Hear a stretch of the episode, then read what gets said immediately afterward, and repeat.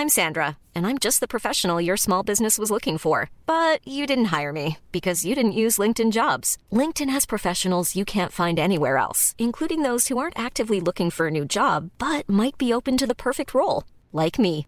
In a given month, over 70% of LinkedIn users don't visit other leading job sites. So if you're not looking on LinkedIn, you'll miss out on great candidates like Sandra. Start hiring professionals like a professional. Post your free job on linkedin.com/people today. Jewelry isn't a gift you give just once. It's a way to remind your loved one of a beautiful moment every time they see it. Blue Nile can help you find the gift that says how you feel and says it beautifully with expert guidance and a wide assortment of jewelry of the highest quality at the best price. Go to BlueNile.com and experience the convenience of shopping Blue Nile, the original online jeweler since 1999. That's BlueNile.com to find the perfect jewelry gift for any occasion. BlueNile.com. This is Paige, the co-host of Giggly Squad, and I want to tell you about a company that I've been loving, Olive and June. Olive and June gives you everything that you need for a salon quality manicure in one box. And if you break it down, it really comes out to $2 a manicure, which is absolutely insane. It's also so easy to get salon worthy nails at home with Olive and June. The difference between how your nails used to look when you did them yourself and now with the Manny system is a complete game changer. The best thing about Olive and June too is it's a quick dry. Dries in about one minute, lasts for five days, and full coverage in up to one to two coats. Visit oliveandjune.com slash perfectmanny20 for 20% off your first system. That's oliveandjune.com slash perfectmanny20 for 20% off your first system.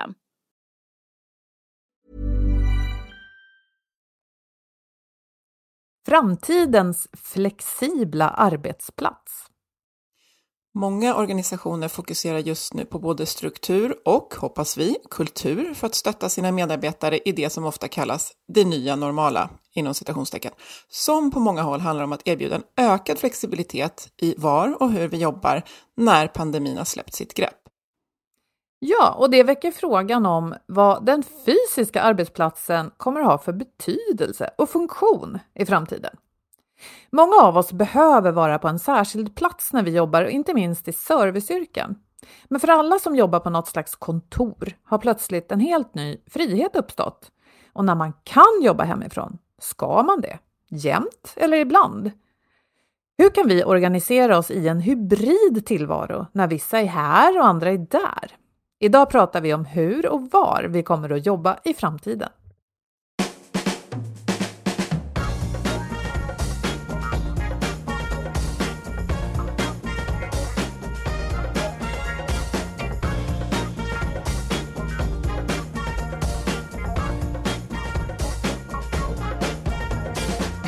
Du lyssnar på Health for Wealth. Det här är en podd om hälsa på jobbet.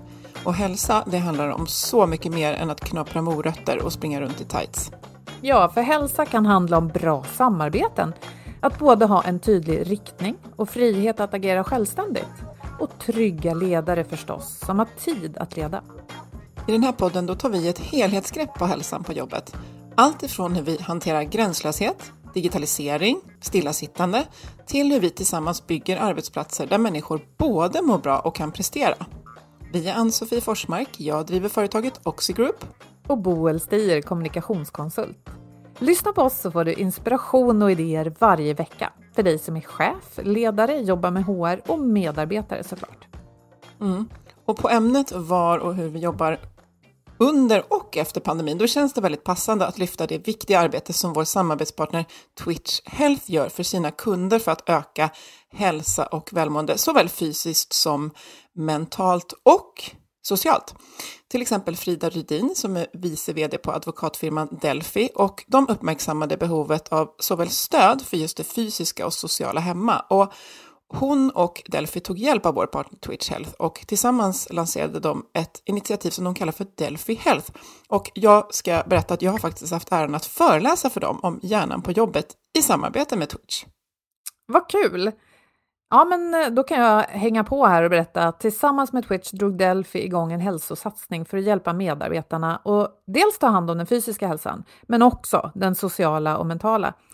Och med ganska enkla aktiviteter i digitalt format hade 80% av medarbetarna engagerat sig efter bara en vecka.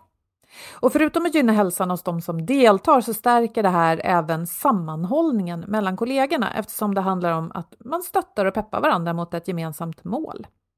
Mm, och du kan läsa mer och inspireras eh, om vad Twitch Health gjorde för och tillsammans med Delphi och det här digitala erbjudandet på twitchhealth.se och vi lägger en länk ifrån det här inlägget förstås. Det görs många undersökningar just nu om hur vi som kan jobba hemma upplever att det är att jobba hemma under pandemin. En, eh, enligt flera av de här undersökningarna så verkar många trivas ganska bra med att kunna fokusera och koncentrera sig och många vill kunna fortsätta jobba hemma i lite olika utsträckning. Mm, gott så, men i en tid där vi ofta är ganska överbelastade med det som kallas metarbete, som vi ska prata mer om i ett senare avsnitt tror jag. Alltså att fatta beslut kring vad, när, hur, med vem och varför vi ska göra saker innan vi ens har börjat jobba. Ja, men då kanske det finns risk att det nu också läggs till ett beslutsfattande och ett beslutsområde att ta ställning till. När ska jag jobba med var, vart? Och vad händer i gruppen, teamet, om några är hemma och några ses? Ja, vi behöver tänka till och göra ordentligt från början för att dra full nytta av ett mer flexibelt arbetsliv. Mm. Och när andra platser än kontoret fyller arbetstiden, vad blir då kontorets roll? Finns det ens kvar? Vi har som ni hör många frågor och det känns väldigt rätt och roligt att ha med en tidigare gäst till oss, Tommy Kau, vars LinkedIn-profil faktiskt avslöjar att du är Future of Work Lead. Ja, ni hör ju. Vi ska prata om det här med dig och välkommen Tommy! Stort tack! Tack för att jag får komma och prata om det här. Kul! Och ja, du var ju med i avsnitt 140. Då pratade vi om HR i den digitala eran. Det känns ju otroligt aktuellt det också. Men vad händer i ditt arbetsliv just nu och eh, eh hur har det påverkats av eh, pandemin? Ja, tack. Jag eh, har väl påverkats som alla andra om man börjar eh, där. Har ägnat ett år att, till att gå mer inåt som många andra och utkristallisera ett tydligare fokus. Och eh, säkert påverkats på en mängd andra sätt. Dels att vi sitter och spelar in poddar på det här sättet.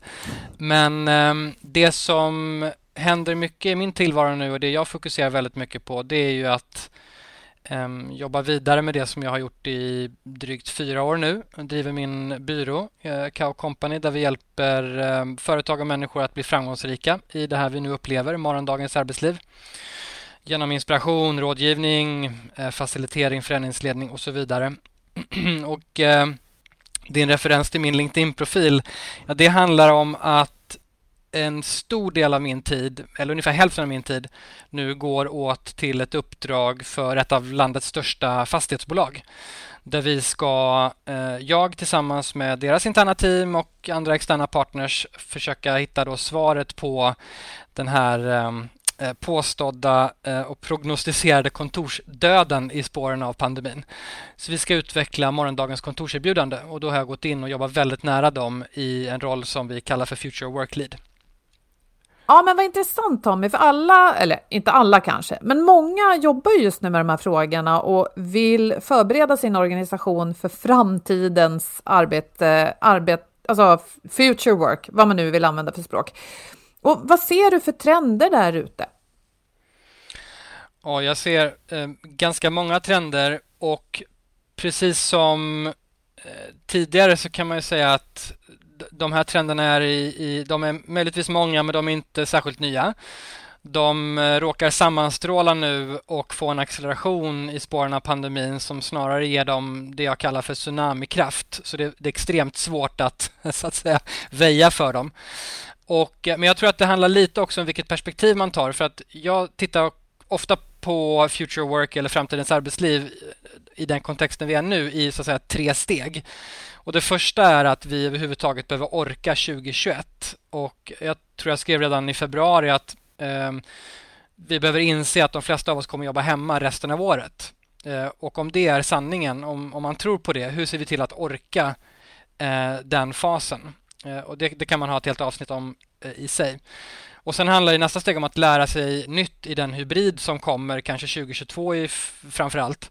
När en del går till kontoret, en del stannar hemma, en del har flyttat och så vidare och vi ska rigga för det. Och sen handlar det någonstans om i nästa fas att möta och växa i det, in i det här paradigmskiftet som kommer komma med full kraft betydligt snabbare än om pandemin inte hade kommit. Ehm, och tittar man då på, på, på den resan lite längre bort så tror jag att det som kanske summerar alla trender, vi ska, jag ska flagga några också, men det som summerar alla eh, som är den största förändringen, det är nog att vi går mot ett ökat individfokus på så eh, många plan. Och det kanske låter paradoxt på ett sätt, men, men, men dels kan man titta på hur vi förbereder organisationen på digitaliseringen eh, där det blir väldigt mycket fokus på att vi måste få med varje enskild individ. Det, hjälp, det hjälper så att säga inte med liksom de breda penseldragen längre. Vi pratar mycket mer nu idag om individers kompetenser och lärande, att det är också ner på den nivån. Dels pratar vi om eh, individers kapacitet och potential i det här nya arbetslivet, där det som du var inne på också Ann-Sofia, det här med liksom hur, fungerar, hur fungerar hjärnan, vår mentala kondition, biokemi, allting som påverkar vår prestation. Så den ser jag också väldigt, väldigt spännande. Och sen har vi det här med nya arbetsformer som ju blir inte minst nu i spåren av pandemin, mer och mer individanpassade. Snarare än kanske bulk och gruppanpassade med liksom gig och enskilda konsulter och att vi väljer att jobba på olika sätt där det blir mycket mer så från aktivitetsbaserat till mm, människobaserat kanske man kan säga. Men om vi stannar till, om vi stannar till där helt kort då, just vid arbetsplatsen, arbetsplatsens utformning och funktion.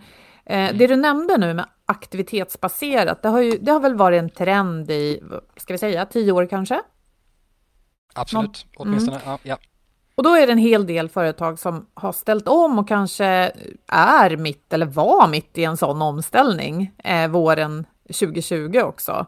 Mm. Och det handlar ju om det här att man eh, inte behöver riktigt lika stora ytor eh, och man behöver inte ha en dedicerad plats. Och så händer det här nu, pandemin, som bevisar för oss att nej, men, folk kan jobba på distans och då vill många göra det. Eh, hur påverkar det här? Kommer alla att skära ner på kontorsytorna och vad kommer vi göra på kontoret? Vad tror du? Eh, ja, det där är ju 10 000 kronors frågan eller, eller 10 miljarders frågan. Och um, dels är det precis det här vi tittar på nu i, i, inom ramen för det vi, vi gör med Alekta Fastigheter. Alltså hur kommer kontoret de facto se ut, användas och, och liksom vara?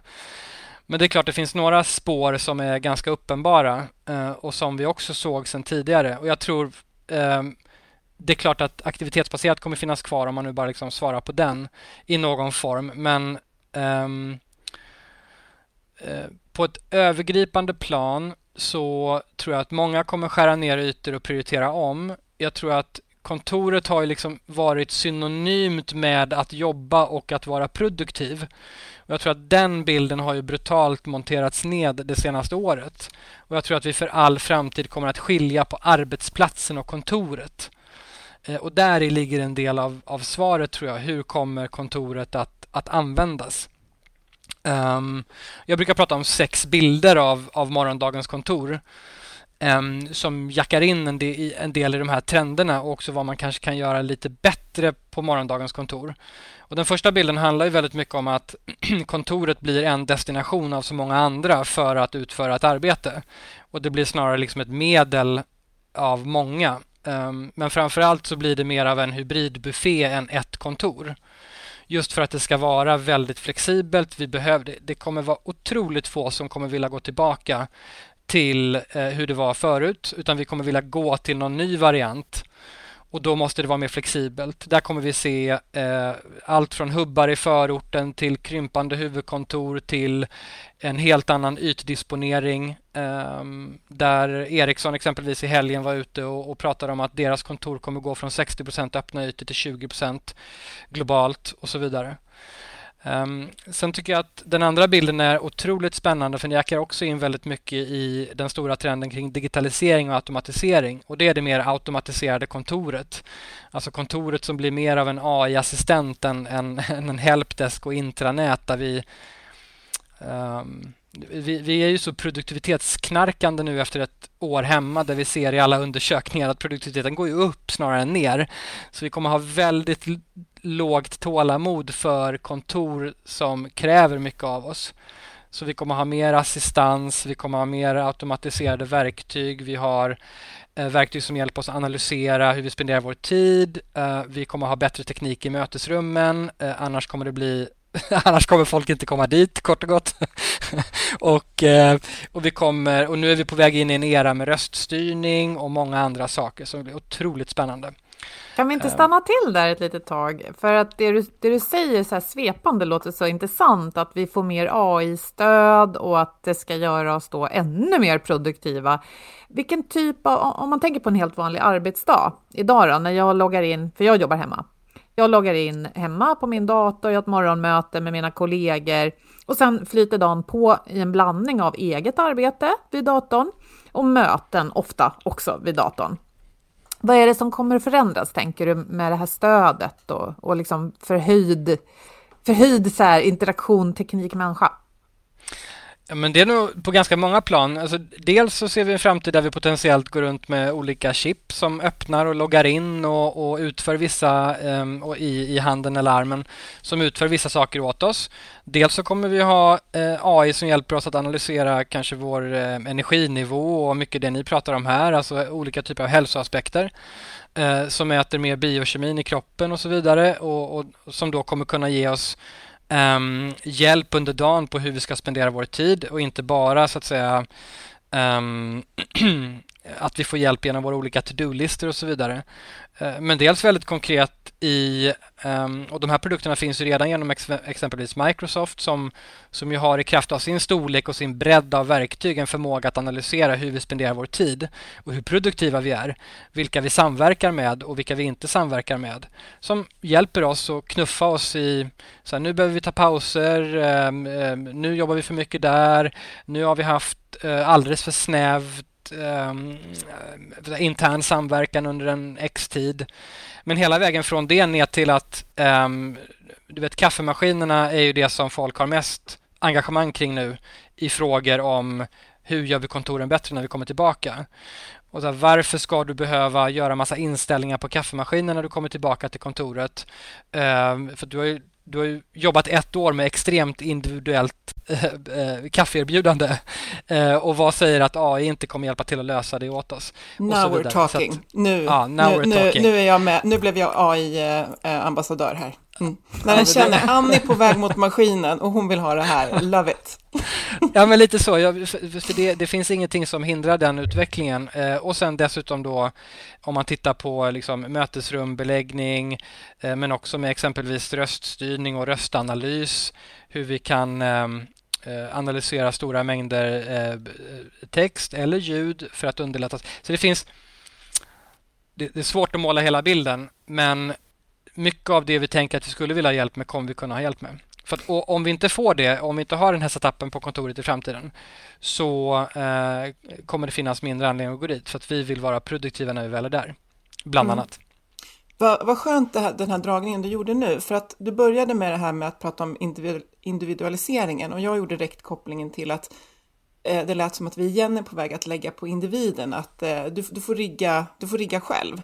Eh, lite som vi gör med kanske stresshantering, att vi, du får lära dig själv att liksom hantera det här flödet som kommer, men vi tittar inte på att stoppa flödet om man säger. Men här låter det som att vi faktiskt pratar om ett, baserat på AI då och digitalisering, ett stöd för individen att du kommer kunna jobba mer individualiserat utifrån dina behov Eh, och vi möter upp det på kontoret så vi gör det angeläget för dig att komma in för att där kan du också få ditt specialkaffe, du får tips om liksom, ja, för att strukturera arbetsdagen. Så att precis, om vi ska lägga mer på individen så behöver vi också rusta individen och jag tänker att vi också då behöver Alltså vi kan rulla ut massa digitala verktyg men, och AI-stöd, men individen måste också förstå vad de här, alltså varför, hur funkar min hjärna? Vi måste ändå ha kompetensen för att sen kunna förstå vad det här budskapet betyder när datorn säger att eh, du har lagt massa back-to-back-möten eller du ser lite trött ut, kan du mm. peta in en admin-uppgift här nu en kvart? För det skulle lätta upp. Så att, ja, jättespännande område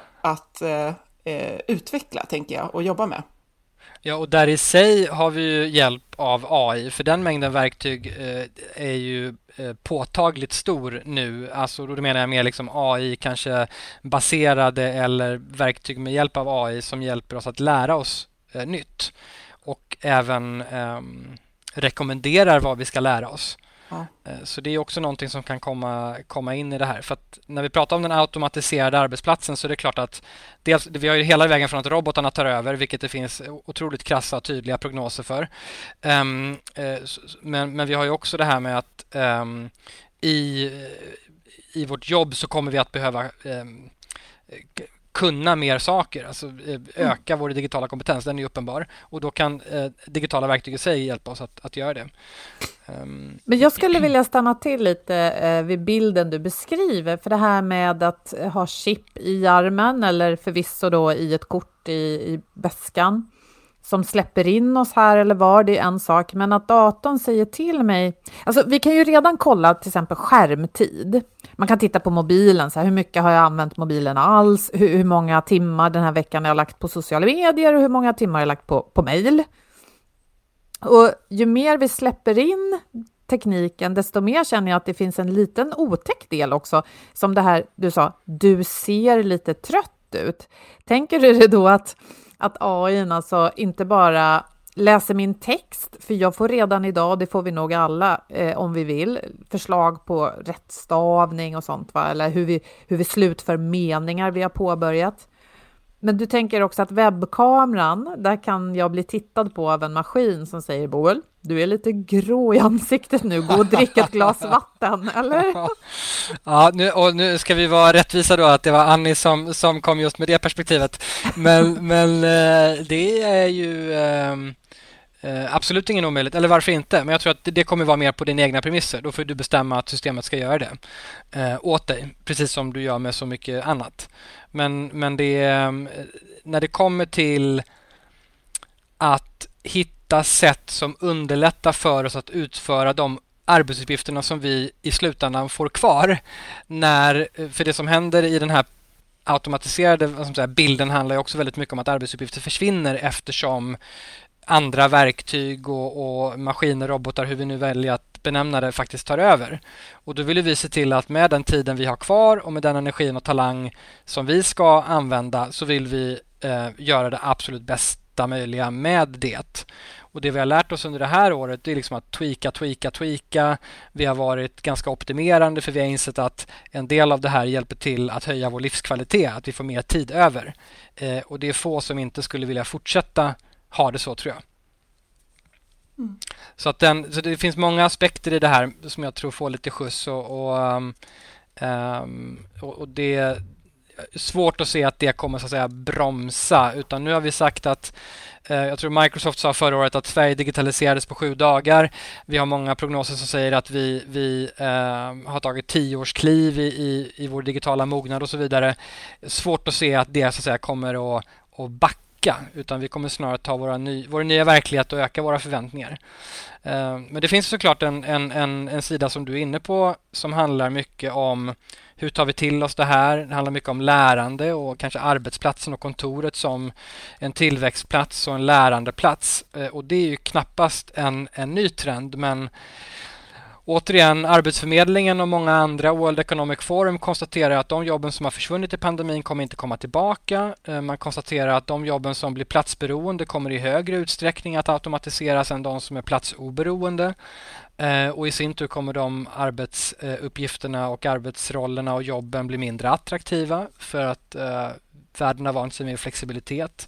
Då innebär det ju hur ska vi upskilla oss, reskilla oss, lära oss hela tiden och även där finns det ju otroligt krassa prognoser över hur mycket vi behöver upskilla och reskilla oss bara det närmaste året, två, tre. Och då behöver arbetsplatsen bli en, en eh, otroligt mycket starkare arena tror jag för det och har också potentialen att bli det. Men får jag fråga en sak där? Därför att det vi ser nu är ju då, jag har i alla fall läst texter om att eh, det är tufft för en del fastighetsbolag, de som i huvudsak har hyrt ut och hyr ut till företag, för att folk behöver fortfarande bo någonstans. Eh, mm. Eh, och jag kan tänka mig att sådana som din uppdragsgivare dels vill fundera på hur kan vi faktiskt locka företag att vilja ha kontor. Och sen finns det ju en, en trend då där man som individ kan tycka, äh, vi behöver inga kontor. Vi kan, eh, vi kan hyra platser när vi behöver ha konferenser eller när vi vill ha en AV. Och för övrigt så sitter vi som du sa i kanske förortshubbar eller hemma helt enkelt och använder oss mm. av digitala redskap för att ses. Så jag, jag tänker nu, så här, alla företag har ju en utmaning i att man behöver ha någon typ av tydlighet. Hur ska man jobba hos oss framöver? Sen behöver man också sätta en plan i ett läge när vi inte vet hur snabbt vaccinationen går och så där. Men det, det behöver vi inte eh, egentligen hugga in i här, för att det är det ingen som vet. Men det här med tydligheten då? Vad, får man sätta upp fingret i luften och gissa, eller vad kan man gå på, tycker du Tommy? där?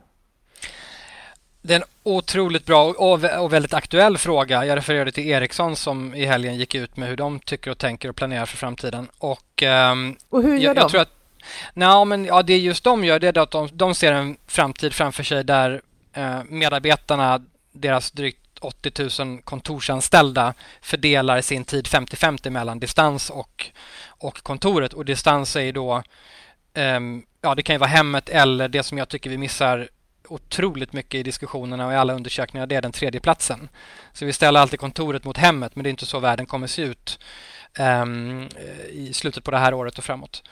Och, eh, och sen jobbar de med eh, decentraliserade beslutsmandat kring hur den här fördelningen exakt ska se ut då i, i just sin enhet eller organisation.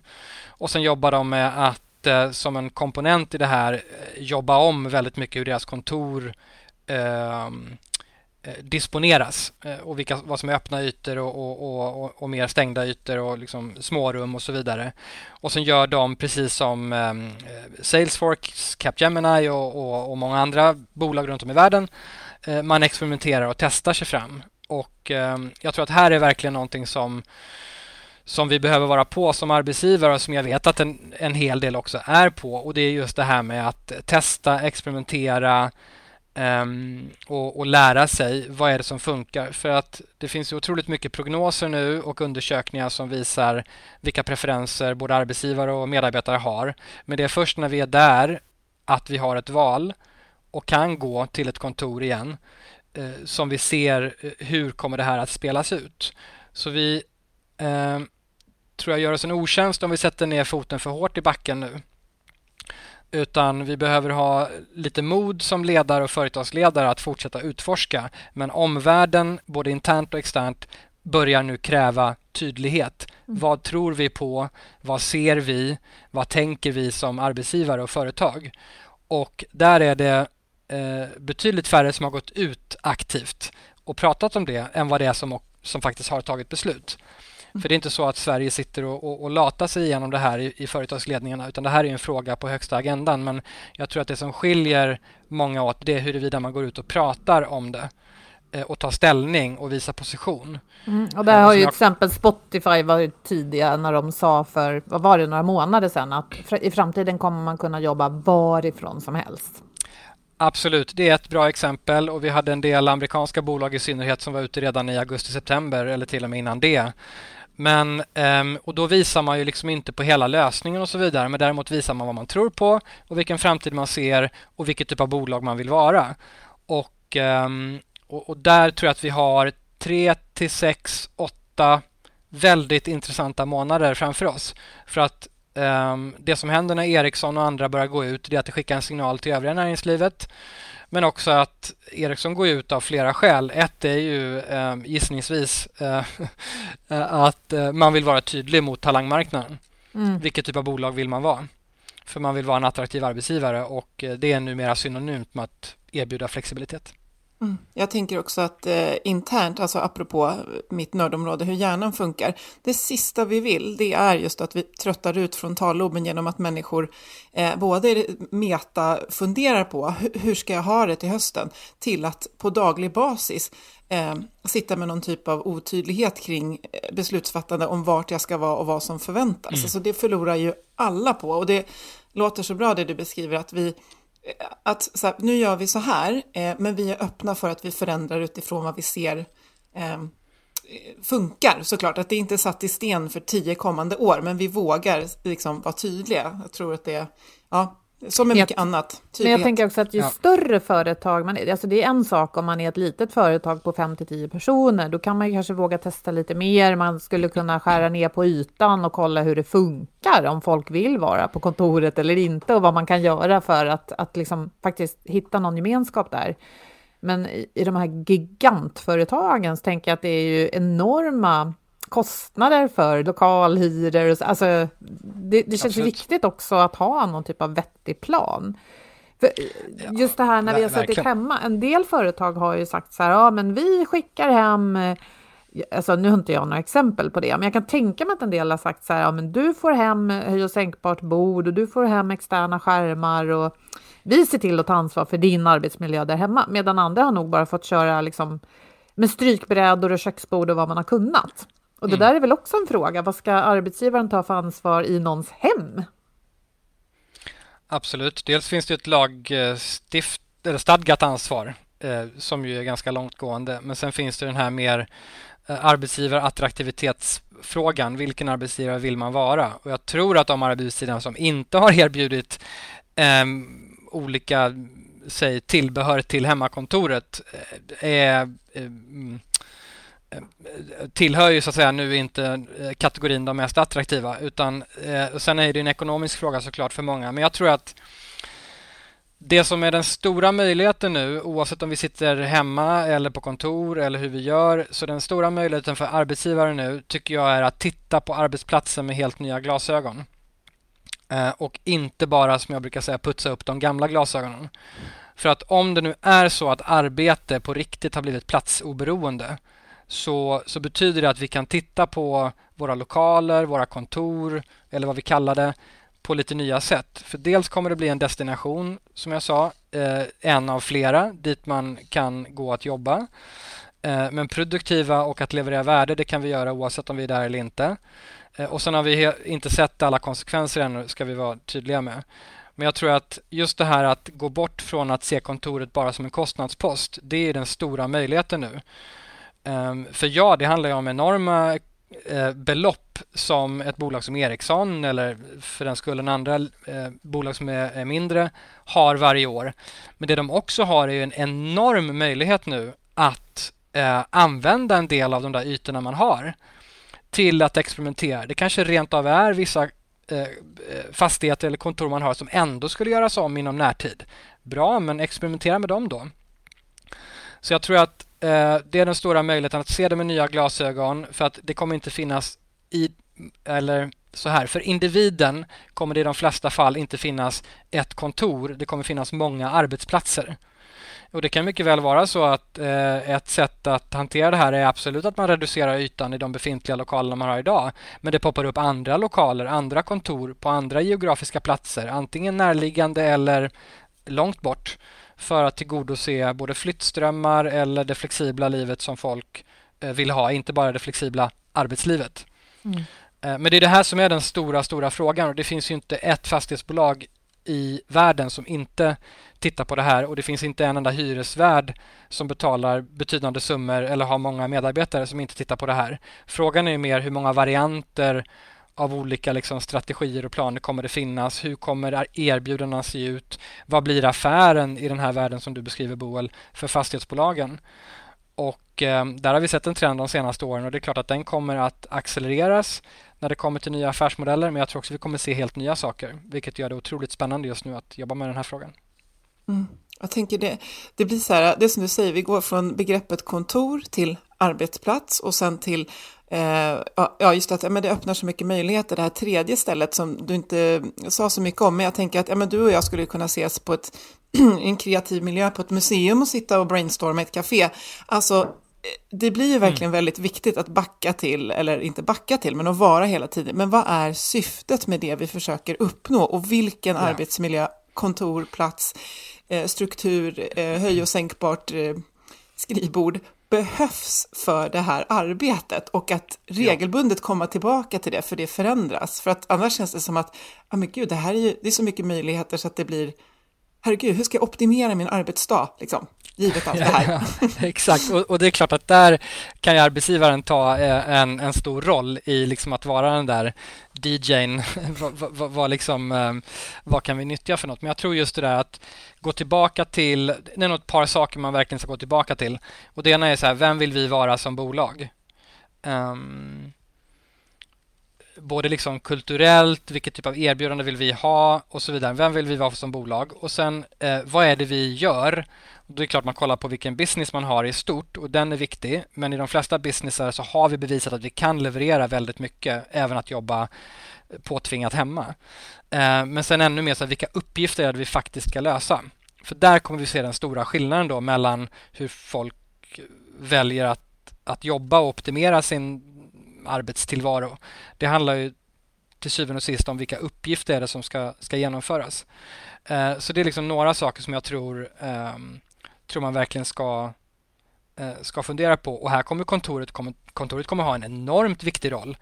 Ehm, och det ser vi redan nu om man tittar apropå de här LinkedIn-flödena som kommer. Och jag har kastat ut lite och, och bett om eh, vad folk tycker och tänker.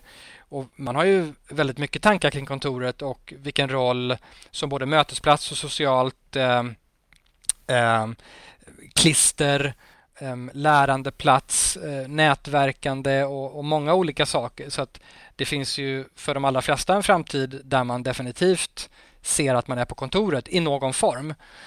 Ehm, och att det finns värden man får där som man inte får hemma. Men däremot var det kontoret ska ligga någonstans, hur stort, hur det ska vara utformat, hur ofta vi är där, hur många som är där lika ofta eller inte lika ofta, eh, på samma tider eller inte eh, och hur upplevelsen är på plats på insidan. Eh, där är ju det är det som snarare är den stora stora frågan och där, där bolagen kommer att ta lite olika vad, vägar tror jag. Vad menar du Tommy när du säger den tredje platsen? Vad har du i åtanke då? Ja, men det är en jättebra fråga. För det, och jag vill verkligen slå ett slag för det här, för jag, jag har varit frustrerad i ett år nu eh, kring det här. Eh, och det är det, för att, eh, och det kanske mer handlar om var vi kommer ifrån som, som värld. Um, för att tidigare så var ju defaultläget att vi är på kontoret och sen blev vi hemma och så blev helt plötsligt då, det de två alternativen. Men det vi tittar mycket på också trendmässigt, det som har hänt de senaste åren, det är att vi går att arbeta på en tredje plats. Och med det menar jag exempelvis det du var inne på eh, Annie, med att vi går till ett museum eller att vi går till ett café eller att vi går till ett coworking space eh, som eh, inte är företagets egna coworking space utan mer ett delat med andra. Till att vi sitter i hotellen på landstället och gud vet allt, har workation eh, tre veckor på Mallis. Alltså det finns så många olika varianter. Men jag tror vi går bort oss om vi tittar bara på kontoret och hemma. För att när vi får valmöjligheten att vara flexibla så kommer folk att optimera mer eh, utifrån var gör man sitt bästa jobb. Och ärligt talat så är inte hemma alltid svaret. Eh, om man har småbarn eller vad det nu kan vara, bo trångt. Så jag tror att, eh, och det här ser vi också hur affärsmodellerna ställer om nu där det poppar upp startups och erbjudanden Eh, som svampar nästan i spåren av pandemin där man eh, skapar prenumerationstjänster och tillgängliggör allt från hotell, restauranger, kaféer, museer, alltså ytor som står och inte används, i, inte minst i förorterna där ju folk i högre utsträckning bor och man kanske inte kommer vilja resa lika långt till ett kontor ens i Stockholm som är globalt sett en relativt lättillgänglig och liten stad. Um, och den tycker jag är otroligt spännande för att då får vi helt plötsligt en, liten, en vitalitet i den tredje platsen och en tillgänglighet som gör att du som bolag dessutom kan göra avtal om att personalen ska få de här platserna tillgängliga för sig. Uh, men sen har vi ju det uppenbara och det är att man, man hittar de här tredje platserna själv för att man tar eget ansvar och man vet vad man behöver för olika arbetsuppgifter. Um, men där är en, en till hybrid, tänker jag. att eh, Förut var det så att antingen så var du anställd eller så var du någon typ av frilansare och så kanske det är fortfarande i och för sig. Men jag tänkte att då var frilansaren kanske mest hemma eller på något coworking-ställe eh, medan den anställde var på kontoret. Men jag tänker att det skulle kunna vara så att om jag då bor i förorten, orten, eh, har ganska lång restid, bor trångt och inte alls optimalt för att jobba hemma, att eh, mitt jobb skulle kunna erbjuda mig en så här schablonsumma för att jag själv hittar ett coworking-ställe i lämplig närhet. Eller? Mm. Nej, men det är väl ingen eh, eh osannolik utveckling. Eh, och jag menar, det där sker ju redan. Sen om man får liksom en, en kanske en pott eller inte. Jag tror att den hyfsat många av de här coworking-ställena. Jag var ju själv med och, och konceptutvecklade Epicenter som ligger inne i, i centrala Stockholm. Och, och, en, och, en, del av affärsmodellen för den här typen av aktörer är ju olika typer av företags, alltså enterprise-kontrakt, där man får tillgång till x antal platser och där man när man kommer dit som random medarbetare eh, så checkar in med att man tillhör det bolaget och så vidare. Och sen är det klart att Eh, kanske hela bolaget inte har tillgång till det här. Men, men det, så det sker ju redan idag. Det som blir intressant att se såklart det är ju om den här ökade flexibiliteten och också ökade floran av platser där man kan arbeta. Om det leder till det du är inne på Boel, men också leder till att, så att säga, själva beslutet för att köpa in kontorsplats X eller Y, om det blir mer decentraliserat. Mm. Mm. Eh, för det här är en fråga som är ju raka motsatsen i 99 procent av fallen annars. Det är, så här, det, det, är stora beslut högst upp eller centralt i alla fall eh, med eh, eh, mer eller mindre komplexa avtal och så vidare. Så det finns ju en, en ja, så det, det, är inte så snabbrörligt och decentraliserat och flexibelt. Det beror på hur stort bolag naturligtvis. Men jag tänker jo, de, här, de här förortshubbarna, finns de idag? För att jag upplever att de flesta coworking-ställena är, eh, i alla fall runt Stockholm då, där vi alla bor och lever, är inne i stan mest va? Nej, ur ett Stockholmsperspektiv så finns de ju inte i någon vidare utsträckning, utan det är mer de tredje platserna då som finns ute i förorten. Och eh, det här är ju fort, juryn är fortfarande ute när det gäller allt det här. Och eh, jag tror att det är, det är oklokt att säga att man vet hur det kommer att bli. Men, eh, men där finns ju eh, en tydlig potential. Um, om, man, om man tittar på hur folk rör sig och hur man flyttar uh, och så vidare. Sen har vi såklart en hel del Sen har vi såklart en hel del kontor utanför stan. Jag menar vi i, i Stockholm har ju ganska eller ett antal ganska stora kluster av, av kontor. Eh, men just coworking spaces finns ju kanske lite mer koncentrerat till, till innerstan i Stockholm i alla fall. Ja, om det skulle vara en bra affärsidé. Ja, men jag tänker just ja. de etablerade finns inne i stan, men om man skulle tänka lite utanför boxen så tänker jag att det finns verkligen potential att, att hitta dem mer utanför stan. Men det är inte det, det, det naturliga, det, ja, jag tänker som epicenter. Man hör på mm. namnet mm. också, vart det ligger. Det är verkligen mitt inne i stan. Och, och jag, de jag känner till, jag, får, jag försöker tänka lite där jag är, ja, det här skulle vi nog kunna, ja, kanske kunna skapa. Ja, men, säg något, något företag som har just, ja men vi har lite för stora ytor just nu, men en del av vårt kontor skulle kunna vara ett coworking space ja. för andra. Alltså det, det, det, finns ju det senaste exemplet som bara är någon vecka eller två gammalt. Det är att Helio som driver ett antal coworking-ställen inne i stan öppnar upp i, um, i Sundbyberg, uh, faktiskt i, i um, Alekta Fastigheters uh, lokaler. Men, men det är ju uh, än så länge uh, finns det inte jättemånga sådana exempel och nu är Sumpan ett väldigt stort nav. Ja, jag bor här så jag kan only ja. Men du ser. Mm. Ja, men du ser. Det, det är faktiskt och, epicenter i Sverige. Ja, exakt. Ja, visst, ja, men absolut. Om du säger det så, så, så, så ska jag inte argumentera emot. Nej, men det, det är roligt. Eh, nu tar du de orden i munnen och det, det är ju... Men, men det roliga, eller trenden, är ju då att det blir fler epicenters eh, av händelser och platser ute i förorterna potentiellt. Men utmaningen här, för man kan ju se massa möjligheter, men man ska inte glömma bort utifrån så att säga en fastighetsägares perspektiv så, så eh, måste det finnas en affär. Och innan pandemin, åtminstone med Stockholm mått mätt, så kan vi konstatera att den affären var nog inte jätteattraktiv. För att mycket graviterades in till Stockholm city. Eh, och där från ett fastighetsperspektiv så är affärerna, eh, åtminstone de senaste ganska många åren, fantastiska. Så jag tror att det här är något som, återigen tillbaka till Eh, vad vet vi och vad vet vi inte? Vi vet inte hur alla kommer vilja förflytta sig, var folk kommer vilja jobba, hur man kommer fördela sin tid. Vi vet vad man idag tror och tycker och det ger oss en indikation, absolut. Men vi måste göra som Ericsson och, och, och en hel del andra. Vi måste testa och mm. Eh, lära oss. Och jag tror att det är det som just Ericsson säger att man ska fortsätta 2021, 2022. Um, och det finns en del andra bolag som, som kommer göra det här också. Och jag tror att det handlar liksom inte om att göra det i Q2 och Q3 i år. Uh, för att vi kommer inte vara tillbaka på kontoren eller gå till kontoren igen i någon vidare utsträckning förrän senare delen av det här året. Uh, och det är först då som vi har data, det är då först då vi kan se. Mm. Så det blir otroligt spännande och då, då får vi se vad underlaget blir och vad alla säger och var vi vill jobba och så vidare. Men kontoren kommer finnas kvar. De kommer sannolikt förändras en hel del. De kommer sannolikt, i min värld i alla fall, kompletteras och sen är frågan hur mycket och hur. Och väldigt många kommer fortsätta att ha hemmet som en av sina arbetsplatser. Och det mm. gör att alla de här kommer behöva optimeras för olika saker.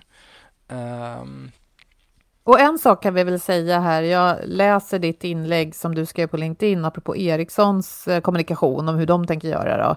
Just det här att de öppna kontorsytorna minskar och att det blir mer sociala ytor, VR-rum och sådana saker. Alltså ytor där vi kan samverka. Mm.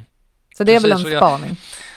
Jag, det är definitivt eh, något som återkommer och det var någon som uttryckte i, i en av de här LinkedIn-trådarna att kan inte framtidens eller kontoret imorgon blir mer av ett labb där vi trycktestar olika saker, träffas och utvecklar och, och, så vidare. Och det är väl det man har sett ligger och bubblar generellt, att samverkan, eh, samskapande, det är också en, en stor eh, utgångspunkt när Epicenter skapades och det de jobbar väldigt mycket med.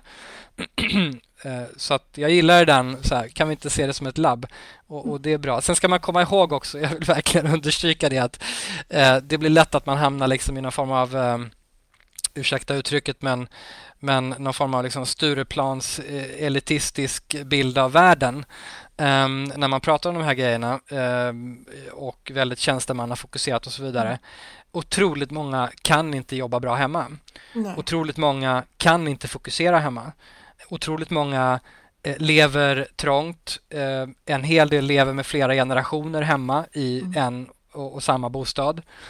Och um, så att, att göra ett kontor som bara har massa härliga sociala ytor och massa mm. små mötesrum och inte se till att folk behöver gå dit och fokusera.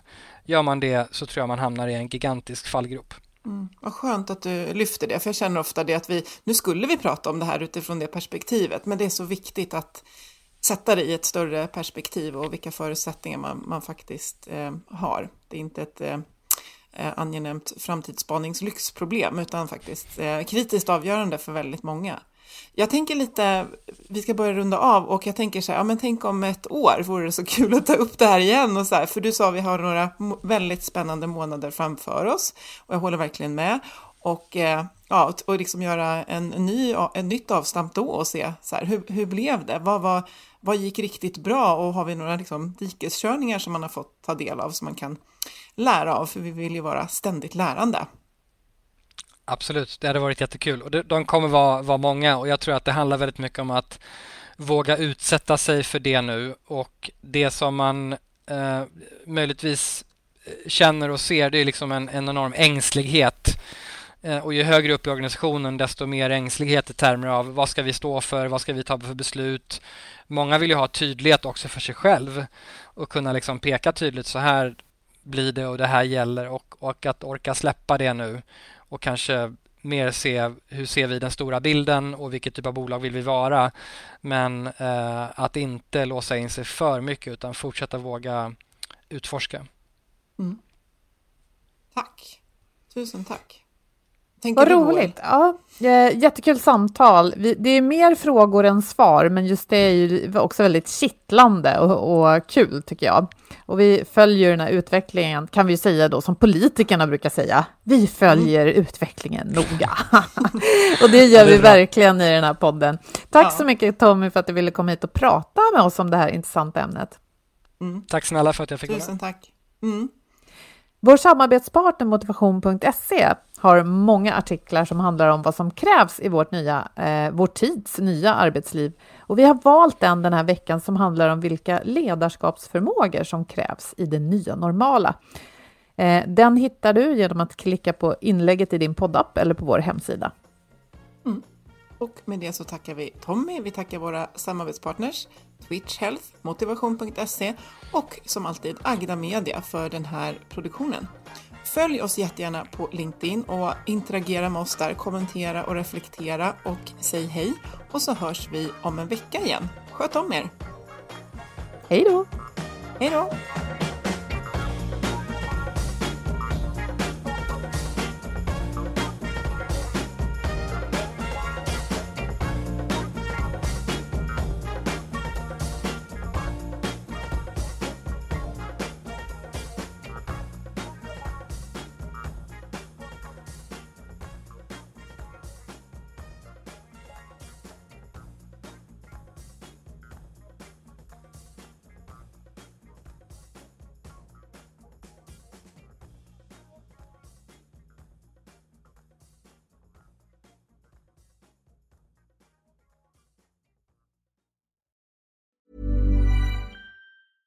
Hey, it's Paige DeSorbo from Giggly Squad. High quality fashion without the price tag. Say hello to Quince.